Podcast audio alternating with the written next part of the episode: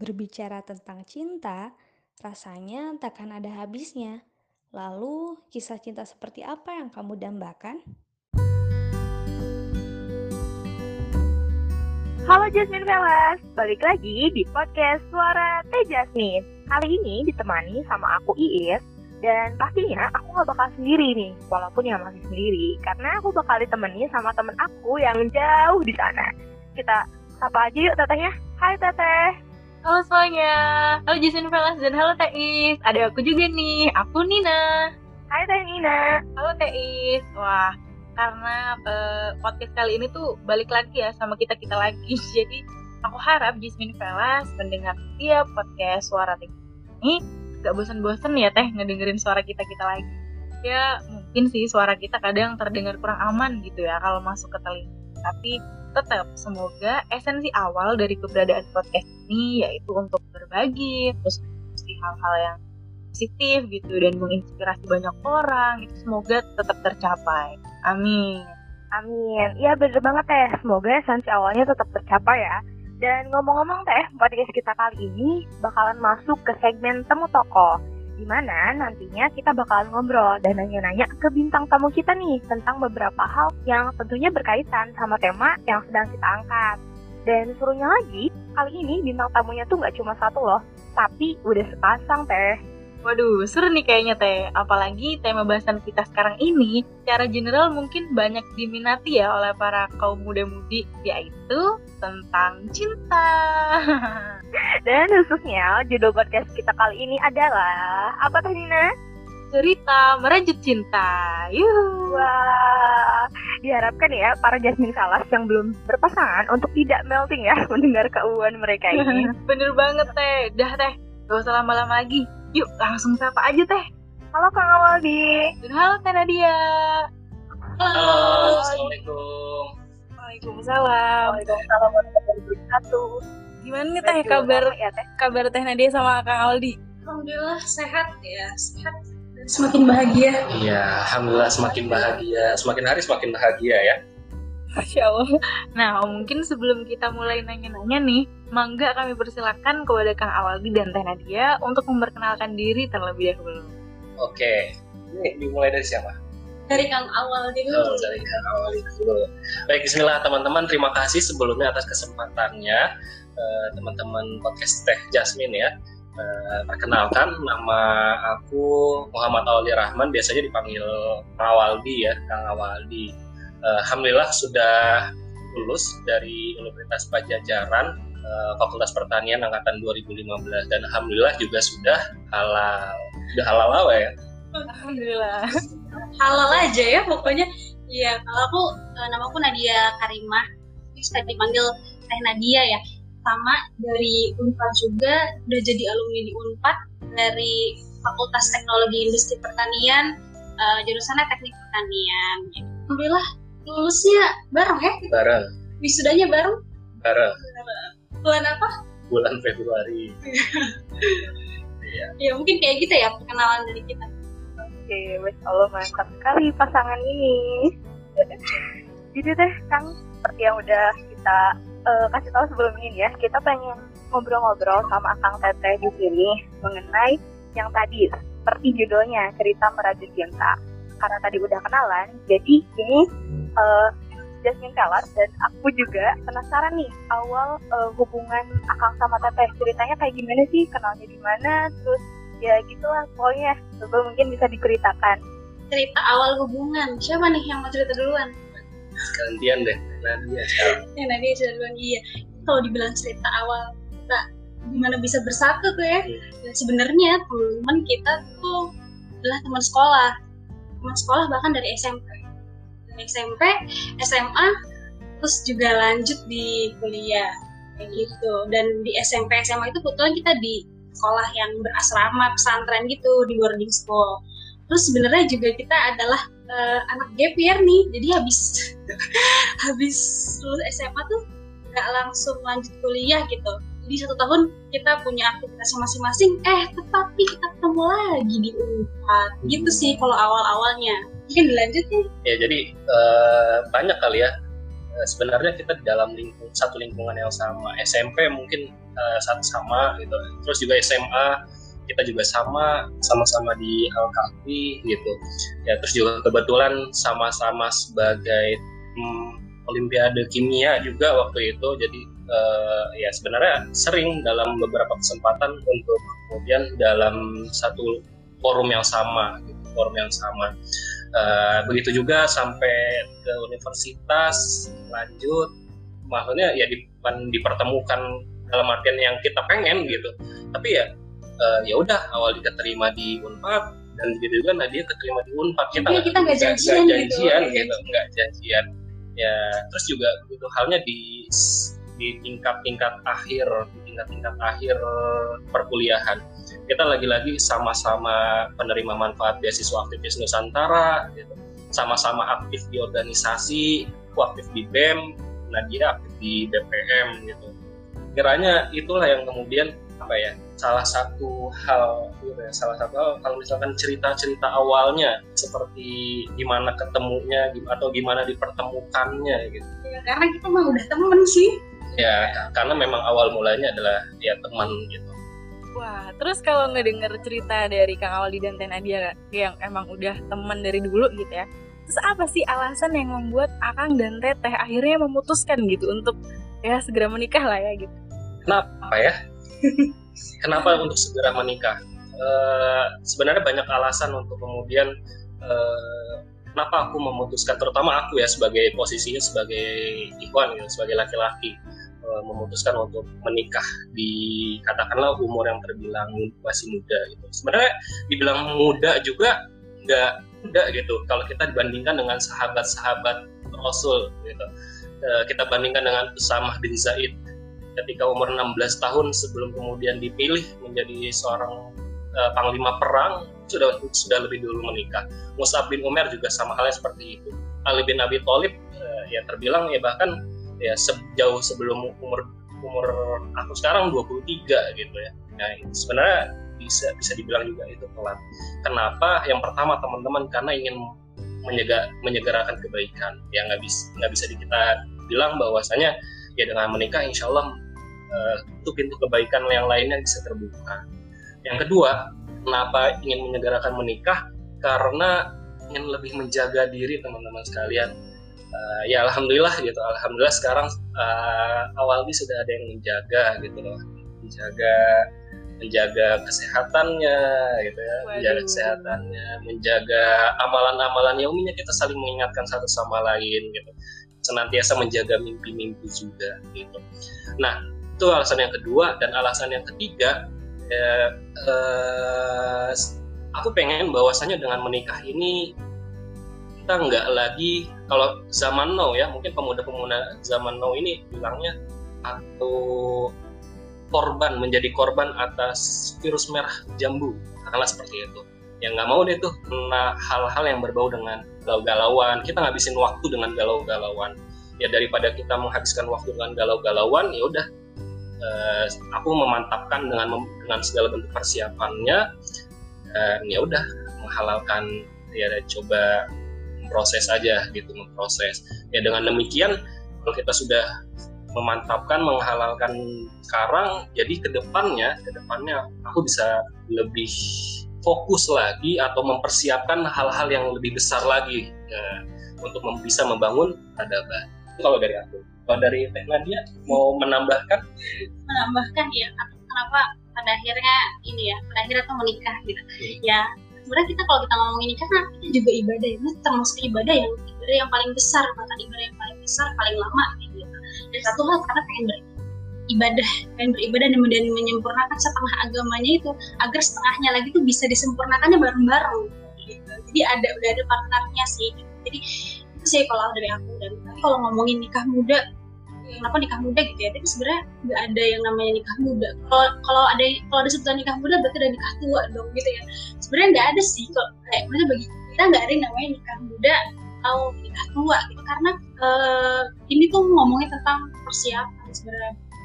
Dan bersiap dan siapnya seorang tuh beda-beda ya. Ada orang yang umur ya ada orang yang mungkin udah 21 tahun dia siapnya di 21 tahun akhirnya dia menikah. Ya itu emang waktu dia siap gitu. Jadi bukan perihal umur nikah itu tapi perihal kesiapan. Ya sebenarnya sebenarnya ada satu lagi sih.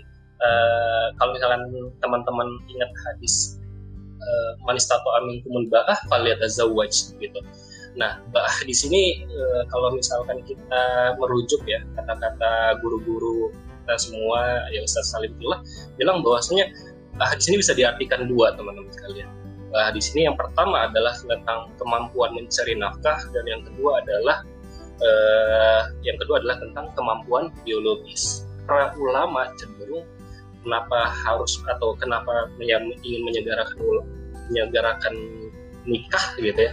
Karena para ulama itu sepakatnya adalah tentang kalau kita udah mampu secara biologis uh, silahkan dilanjutkan diproses. Kurang lebih seperti itu sih untuk menjawab pertanyaannya kenapa pada akhirnya memantapkan untuk ya segera menikah gitu ya. Alasannya sangat luar biasa ya kak ya. Nah terus sih kalau misalkan uh, karena kan nikah itu tentang kesiapan ya. Nah apakah kang teteh ini sebelum memutuskan untuk menikah pernah kayak nyari ilmu atau belajar tentang ilmu pernikahan atau bagaimana? Belajar ilmu pernikahan. Iya sebelum kita nikah kita eh, sama-sama mempersiapkan apa yang harus dipersiapkan ya dipersiapkan ya. Kan kalau persiapan nikah itu ada lima hmm. ada lima ada yang pertama tuh persiapan ruhiyah. Itu bagaimana uh, perjalanan spiritual kita lah. Gimana kedekatan kita sama Allah. Gimana uh, kita menjaga amalan-amalan yang kita gitu. jadi ya karena lagi-lagi tentang ibadah ibadah yang paling besar apalagi yang bisa kita lakukan selain mendekatkan diri sama Allah gitu ya. Itu pertama tentang persiapan ruhiyah. Yang kedua ada persiapan fikriyah. Nah ini yang tadi mungkin disebut ya. Uh, fikriyah itu perihal ilmu atau inputan-inputan yang kita coba dapatkan dari ya mendengar dari kajian-kajian, baca buku, atau mungkin datang ke seminar-seminar panikah ya.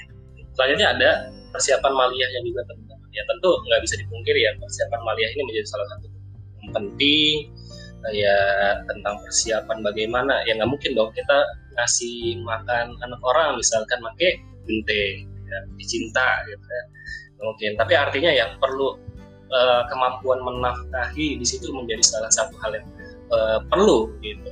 Penting malah ya ya untuk menghidupi anak orang gitu loh. Uh, persiapan malia lalu ada persiapan ijtimaiyah sosialnya teman-teman sekalian. Sosial di sini menjadi salah satu hal yang penting. Bagaimana kita berinteraksi membangun komunikasi bersosialisasi khususnya misalkan di kalangan masyarakat gitu ya membangun uh, masyarakat. Lalu yang satunya lagi ada apa? Jasa dia jasa dia ya jasa dia di sini juga menjadi salah satu yang penting ya. Jasa dia artinya ya kita perlu fisik yang prima jangan sampai ya jangan sampai ya kita uh, menjadi lemes-lemesan dan segala macam. Ya untuk persiapan-persiapan itu. Atau bahkan ya kalau pria juga berbicara tentang uh, tentang pola tidur. Nah itu juga harus tetap dijaga seperti itu.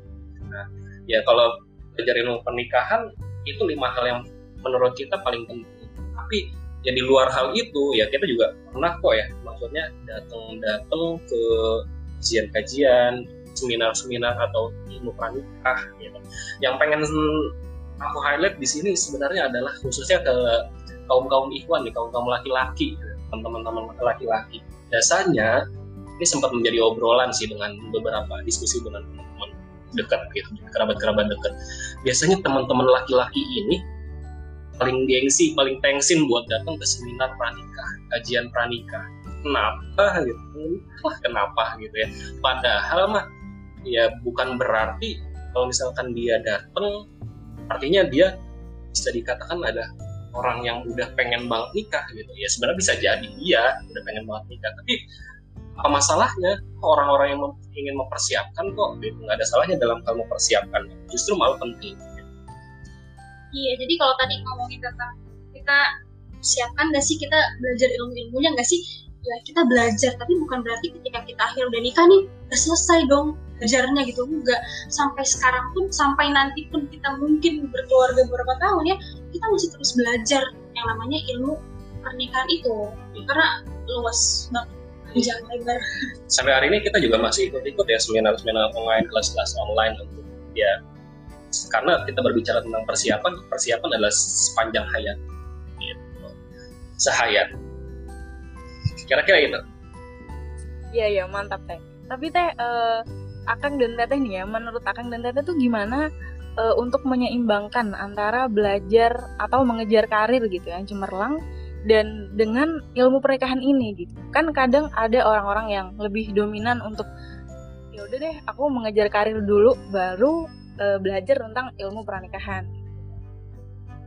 Oke. Oke, ini menarik juga ya karena lagi-lagi berbicara tentang pilihan teman-teman sekalian. Tentunya masing-masing kita punya pilihan. Nah, dalam artian kalau teman-teman mau berkarir dulu baru menikah, kami tidak bisa melarang gitu. Dan teman-teman mau nikah dulu baru berkarir, ya teman-teman juga ya enggak gitu. Kita juga tidak hak melarang sekalian. Lalu bagaimana cara menye- menyeimbangkan antara keduanya, antara karir dengan persiapan menikah? Ya alhamdulillah gitu. Kalau misalkan eh, saya menyiasatinya adalah persiapan sedini mungkin. Ya persiapan sedini mungkin. Kalau eh target oriented gitu ya. Kalau saya kalau aku orangnya target oriented ya. Punya target nikah itu 2000 2020 dari tahun berapa ya? Dari tahun berapa ya? Sudah terpikir-pikir dari semenjak SMA semenjak SMA Eh, dan diperkuat lagi ketika semenjak tingkat dua atau tingkat tiga kuliah. Tingkat dua tingkat, tingkat kuliah. Jadi karena berpikir jauh seperti itu oh ya udah. Semenjak itu mulai dipersiapkan. Bagaimana caranya eh, karirnya artinya karir itu kan berbicara tentang nafkahnya akan menafkahi dari mana juga gitu. Ya, ya dari situ. Ya alhamdulillah ketika kemarin saya menjabat sebagai wakil ketua juga gitu alhamdulillah juga sudah dikasih amanah untuk bisa memegang amanah di salah satu yayasan ya yayasan beasiswa. Dari situlah alhamdulillah saya dapat kafalah kemudian menjadi modal tabungan untuk saya bisa melangkahkan kaki memberanikan diri eh, menjemput yang halal. Gitu. itu kalau dari aku sih Iya, kalau dari aku tadi tentang gimana menyeimbangkan ya karir dengan belajar dalam pernikahan. Kurang lebih akan sama sih kalau ngomongin target ya, aku juga orang target oriented. Sama ya, Kan. makanya bersatu. iya ya, target oriented. Eh, punya target kalau aku mau eh, nikah tuh di umur 24 tahun ya, dan emang aku sekarang umur 24 tahun gitu. Jadi ya karena target oke 24 tahun mau nikah nih, jadi belajar eh, ilmu pernikahannya sebelum-sebelum itu kan juga tentang karir nih. Karir mungkin karir selama masa kuliah dan nanti ya setelah akhirnya uh, menikah gitu. dan kalau ngomongin karir itu kadang buat perempuan ya buat perempuan suka ngerasa ah kalau nikah nih nanti saya jadi apa ya jadi ibu rumah tangga aja atau kayak gimana gitu ya jadi gitu sih. Tapi ya kita kalau sebagai perempuan kita perlu memahami peran sih peran perempuan. Uh, karena peran perempuan itu banyak banyak lebih banyak dari perannya laki-laki gitu. Nah dari tiap peran itu uh, kita perlu apa ya memaksimalkan lah memaksimalkan setiap peran itu. Dengan baik perihal karir kita yang bisa kita yang akan memilih ya. Kita mau jadi ibu rumah tangga atau misalnya ibu rumah tangga yang punya uh, kerja juga bisa kerja di kantor atau mau jadi ibu rumah tangga yang berdaya ya. Intinya itu menjadi pilihan-pilihan kita gitu. Dan karena kita sudah tahu pilihan itu dan pasti kita akan menuju uh, pilihan itu nggak sih mempersiapkan untuk sampai pada apa yang kita mau? Jadi bukan berarti sebagai mesti bagi perempuan ya berarti kita nikah itu karena kita langsung gelang gitu. Enggak kok kita tetap berkarir ya. Tetap berkarir meski dari rumah meski jadi uh, istri meski jadi ibu rumah tangga berkarya lah ya. Iya, berkarya ber- dan berdaya. Oke, kalau misalkan Kang Teh, waktu ideal buat kita belajar tentang ilmu pernikahan itu kira-kira kapan sih waktunya? Karena kan eh, banyak orang juga yang mikirnya ya udah nanti aja deh nyiapinnya kayak tadi kan mau karir dulu sama akademik dulu mapan terus matang dulu atau memang harus dipersiapkan itu sejak eh, jauh-jauh hari? Kapan waktu ideal? Saya nggak bisa sebenarnya kita nggak bisa bilang kapan waktu ideal misalkan waktu idealnya ketika teman-teman sudah lulus kuliah atau teman-teman sudah Semester akhir. semester akhir gitu semester akhir Nah, artinya adalah kita berbicara tentang kesiapan gitu.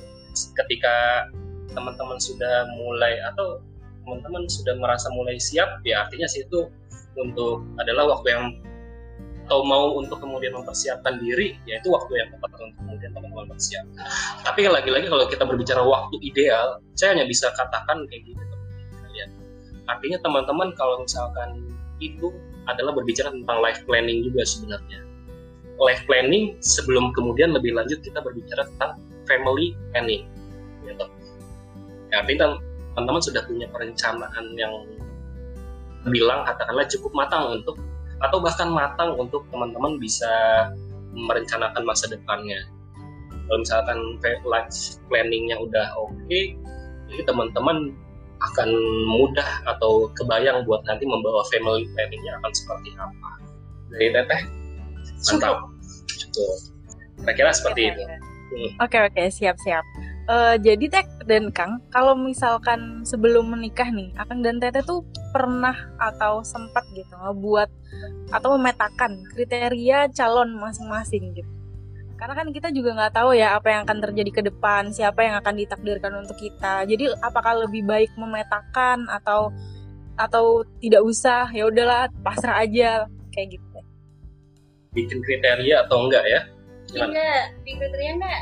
Kalau kalau sebenarnya kalau aku sendiri kalau pribadi ini kriteria kriteria tidak tertulis gitu benar bentukannya adalah bukan is, dibilang iseng-iseng juga nggak iseng-iseng. Masa iya bikin kriteria iseng-iseng? Tapi uh, dulu ceritanya adalah ini teman-teman. Waktu itu ada pembinaan beasiswa. Ya karena aku salah satu penerima beasiswa. Di situ diminta dituliskan bagaimana calon istri ideal atau calon istri yang kamu mau gitu. Nah di situ tuh saya tuliskan. Ya saya tuliskan adalah ibu yang bisa mendidik, ibu yang dekat dengan Al-Quran gitu ya dan ya dia penyayang juga. Nah artinya adalah kriteria secara tidak langsung. Secara tidak langsung gitu maksudnya nggak tertulis. Jadi bikin dibilang bikin kriteria juga sepenuhnya nggak saklek gitu nggak saklek kriterianya. Tapi ya adalah kemudian uh, yang mengarah ke sana. Oh kriteria-kriteria yang katakanlah yang bisa ditoleransi seperti itu ya. Uh, maksudnya ya, sekedar misalkan oh istri yang punya atau istilahnya dia bisa mendidik.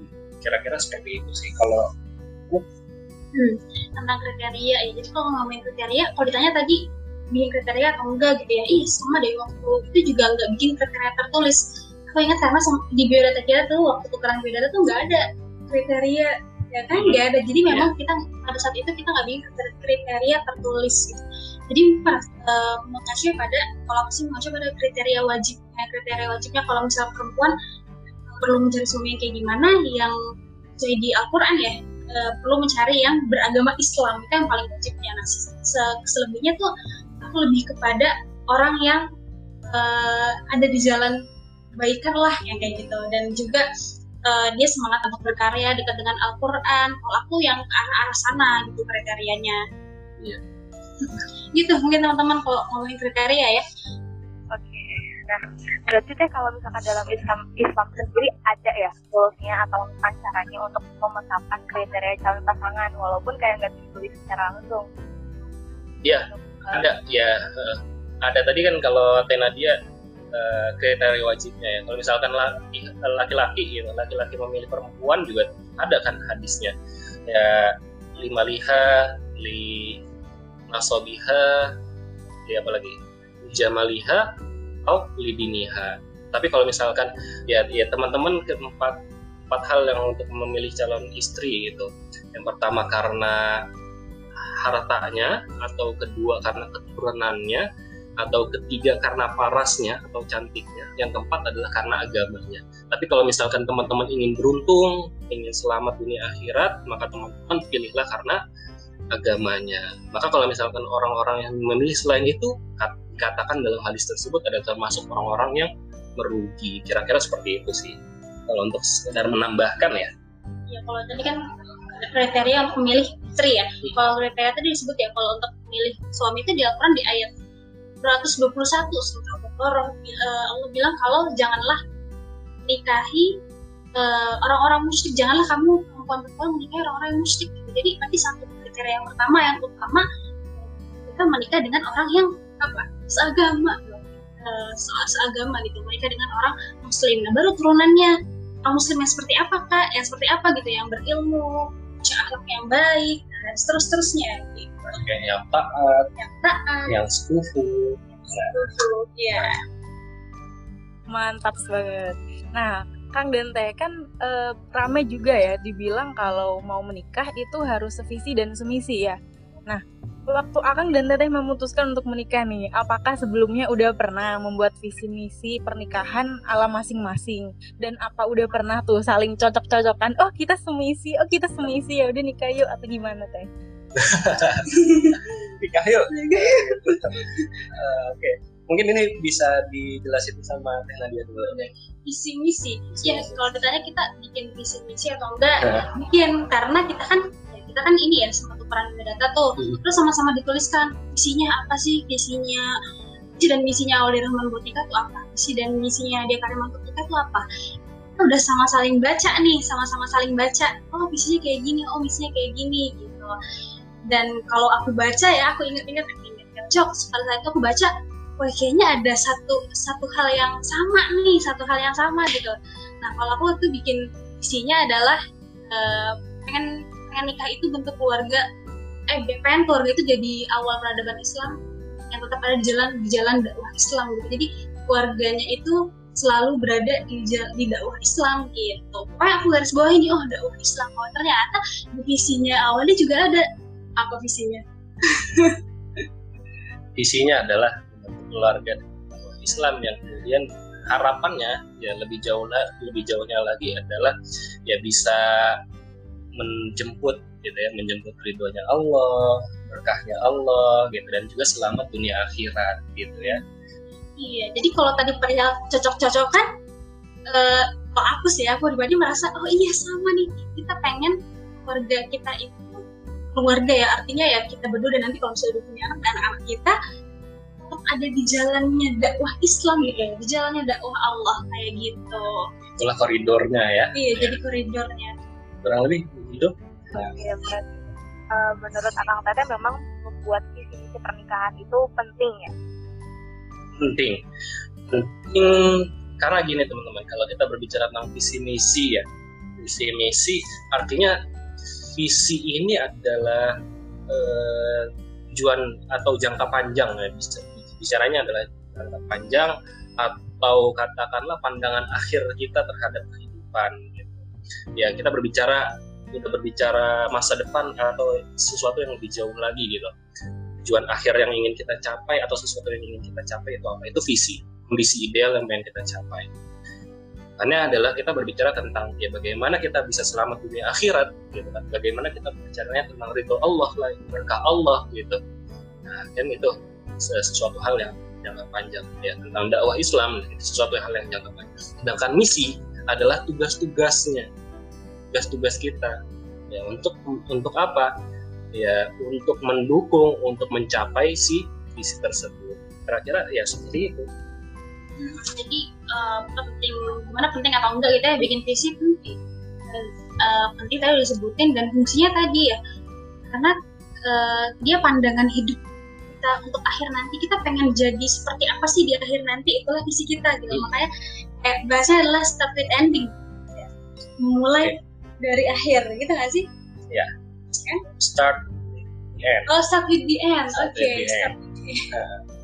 Start with the end. Jadi kita kayak eh, melihat akhir tuh kita pengen jadi seperti apa ba- baru deh kita tarik kita tarik mundur kita tarik mundur tahapan-tahapan untuk menuju hal itu tuh kayak gimana. Dan visi itu bikin kita uh, uh, tahan banting dan bikin kita on the track sama apa yang pengen kita jalanin Wah, masya Allah banget ya Allah. Keren banget Akang dan Teteh. Eh, Sebenarnya masih banyak banget pertanyaan yang secara pribadi masih banyak yang mau ditanyain. Cuman karena kita udah terburu-buru durasi juga, eh, mungkin kami persilakan untuk Akang dan Teteh untuk melanjutkan dengan closing statement atau quotes gitu untuk para muda-mudi di luar sana yang belum menemukan pasangan hidup lah kayak gitu. Oke, dari yang Nadia dulu Weh, dari aku dulu ya Eh. apa ya closing statement ya kalau ngomong itu kita kan ngomongnya nikah ya. Nikah tuh itu sebenarnya adalah garis garis apa? Garis start ya. Garis start karena kita ngerasa eh, kadang kita ber- kalau nikah itu garis finish oke kita udah nikah selesai gitu ya. Tapi justru nikah itu adalah garis start garis start uh, dalam sebuah perlombaan misalnya gitu. Dan kita terus menuju untuk garis finish itu. Gimana caranya supaya kita sampai di garis finish? Garis finish dalam artian di sini uh, di akhirat nanti kita tetap bersama gitu ya. Itu kita menjalannya dengan penuh uh, rasa syukur dan rasa sabar gitu ya selama menjalani perlombaan itu. Jadi nikah tuh baru aja mulai gitu. baru aja memulai segalanya. Dan juga nikah tuh uh, jangan jangan sampai kita ngerasa oke okay, nikah pengen mendapatkan kebahagiaan uh, mendapatkan kebahagiaan gitu ya. Tapi harusnya lebih ke arah ketika kita nikah kita bisa memberi kebahagiaan banyak sih. Jadi bukan perihal mendapatkan tapi memberi gitu ya. Memberi memberi memberi. Dan harapannya ketika kita terus memberi itu bisa membahagiakan pasangan kita. Juga juga akhirnya Allah meridoi pernikahan kita Allah memberkahi pernikahan kita dan juga jadi uh, keluarga yang sakinah keluarga oke. Okay. not only about taking but also giving gitu. Oke okay, menarik. Nah itu kalau closing statement dari Nadia uh, kalau dari aku nih teman-teman sekalian tugas kita di sini hanya menyampaikan gitu bukan untuk kemudian uh, ngompor-ngompori ya ngompor-ngompor ayo nikah muda nikah muda nikah muda karena kenapa teman-teman? Sebab berbicara tentang menikah itu nggak memang nggak harus buru-buru kok. Menikah itu nggak harus buru-buru karena berbicara tentang menikah kita berbicara sesuatu hal yang besar gitu. Karena berbicara menikah adalah kita berbicara soal tanggung jawab masing-masing keluarga masing-masing kita. Ya artinya teman-teman menikah ya tanggung jawab teman-teman memutuskan untuk menikah ya. Bukan tanggung jawab saya lagi nanti gitu kalau teman-teman menikah. Atau ya tanggung jawab saya juga kan berat gitu. Karena jadi itu saya nggak mau untuk kemudian mengompor-ngompori karena tanggung jawabnya itu adalah tanggung jawab masing-masing. Nah maka kalau kita berbicara tentang menikah juga menikah adalah tentang memantapkan hati, lagi-lagi memantapkan hati, ya sejauh mana hati kita sudah siap, sejauh mana hati kita sudah bersih untuk kemudian bisa memberanikan diri melangkahkan kaki, ya. Lalu juga adalah tentang berbekal, sejauh mana perbekalan yang kita siapkan, ibarat melakukan perjalanan panjang, ya. Melakukan perjalanan kita melakukan perbekalan karena apa teman-teman sekalian? Um, berbicara tentang menikah adalah berbicara ibadah terlama dalam hidup ya cara ibadah. Jadi adalah tentang perbekalan yang dilakukan sepanjang hari, setiap hari, sepanjang hayat. Gitu. Karena apa? Menikah tidaklah mudah, teman-teman. Tidaklah mudah, tapi bukan berarti nggak mungkin untuk dilewati.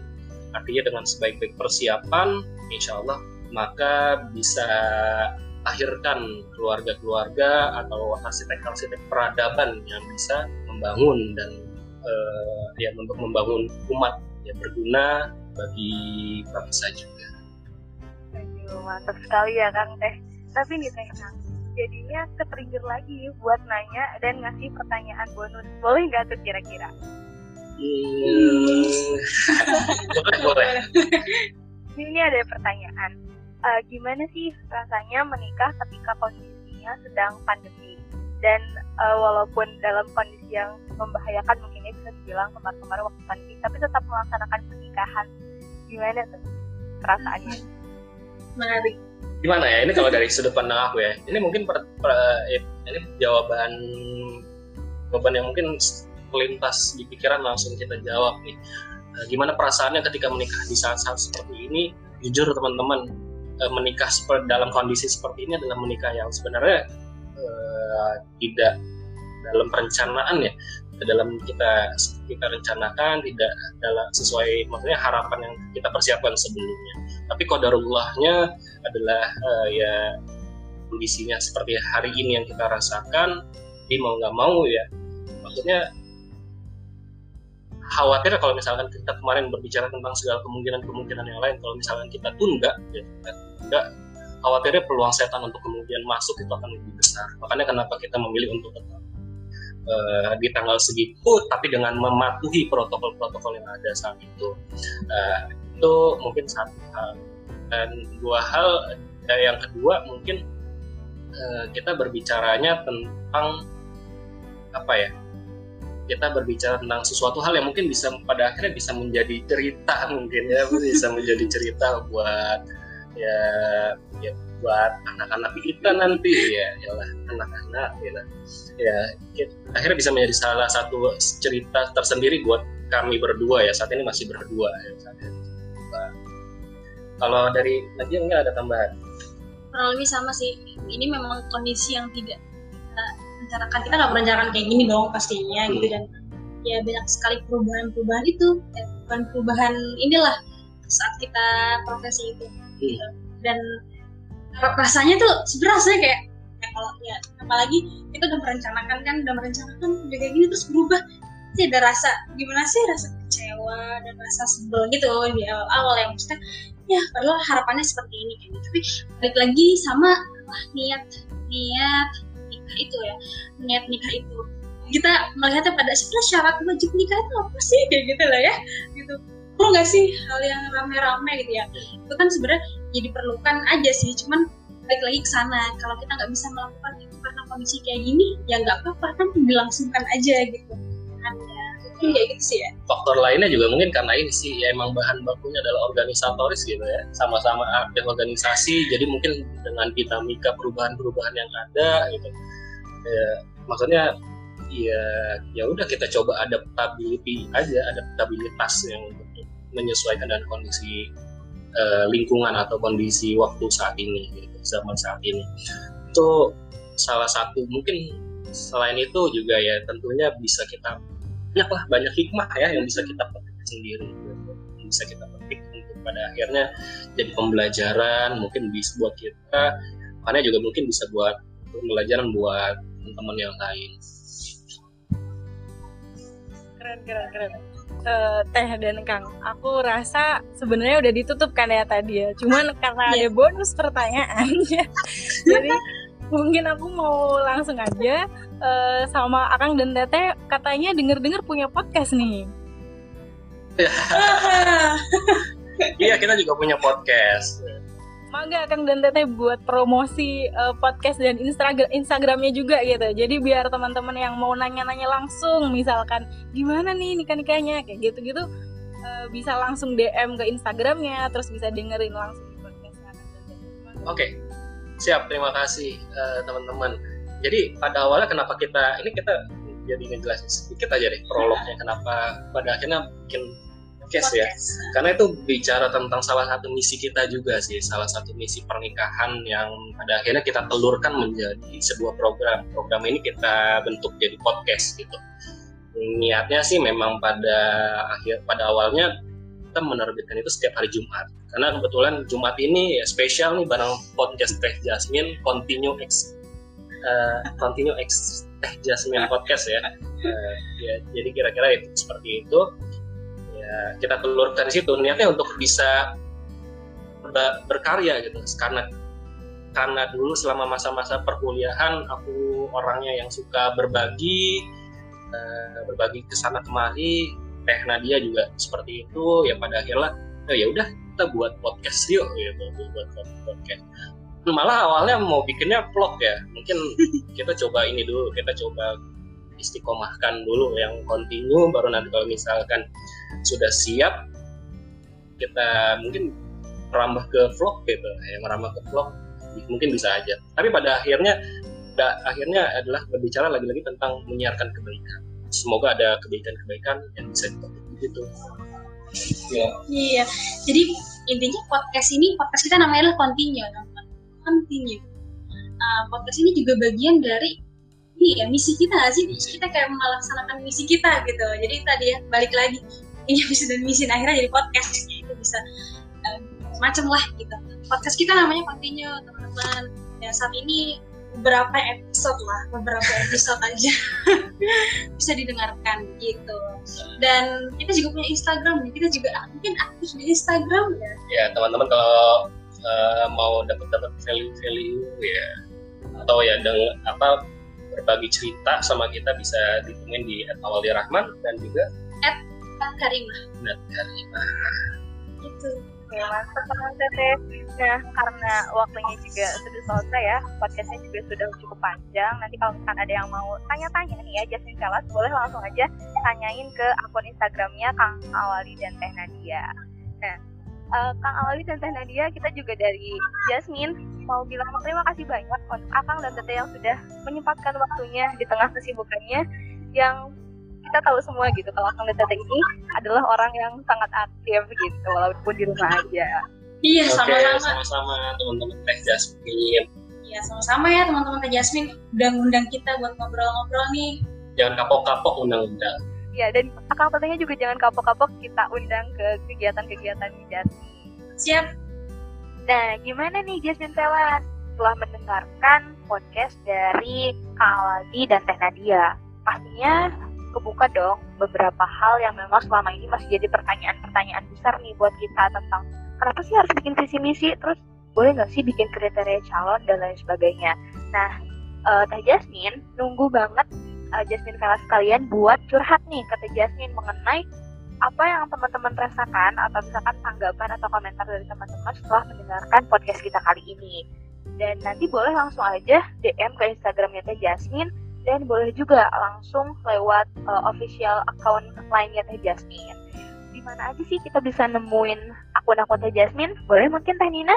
Nah, buat eh, Instagramnya Teh Jasmine itu ada di @tehjasmineunpad dan OA lainnya ada di @tehjasmine dan jangan lupa juga buat teman-teman untuk following dan favorit podcast Suara Teh Jasmine di Spotify. Kita juga ada di YouTube loh Teh. Coba Teh, apa tuh akunnya? Nah, iya bener banget. Jasmine pun punya akun YouTube nih, channel YouTube ya Teh. Namanya itu Iya. adalah Teh Jasmine. Dan di sana pun kita punya postingan-postingan terbaru ya Teh. Pokoknya eh, harus banget nih sa- sama Jasmine Kaos di mana pun kalian berada buat nge-follow, nge-add, terus subscribe juga, like, komen, dan share juga dong tentunya. Bener nggak Teh? Bener banget. Oke deh Teh, karena durasinya udah cukup panjang juga, mungkin sekian dulu dari kami. Kami pamit undur diri dulu ya. Sampai jumpa di podcast selanjutnya. Dadah! Dadah!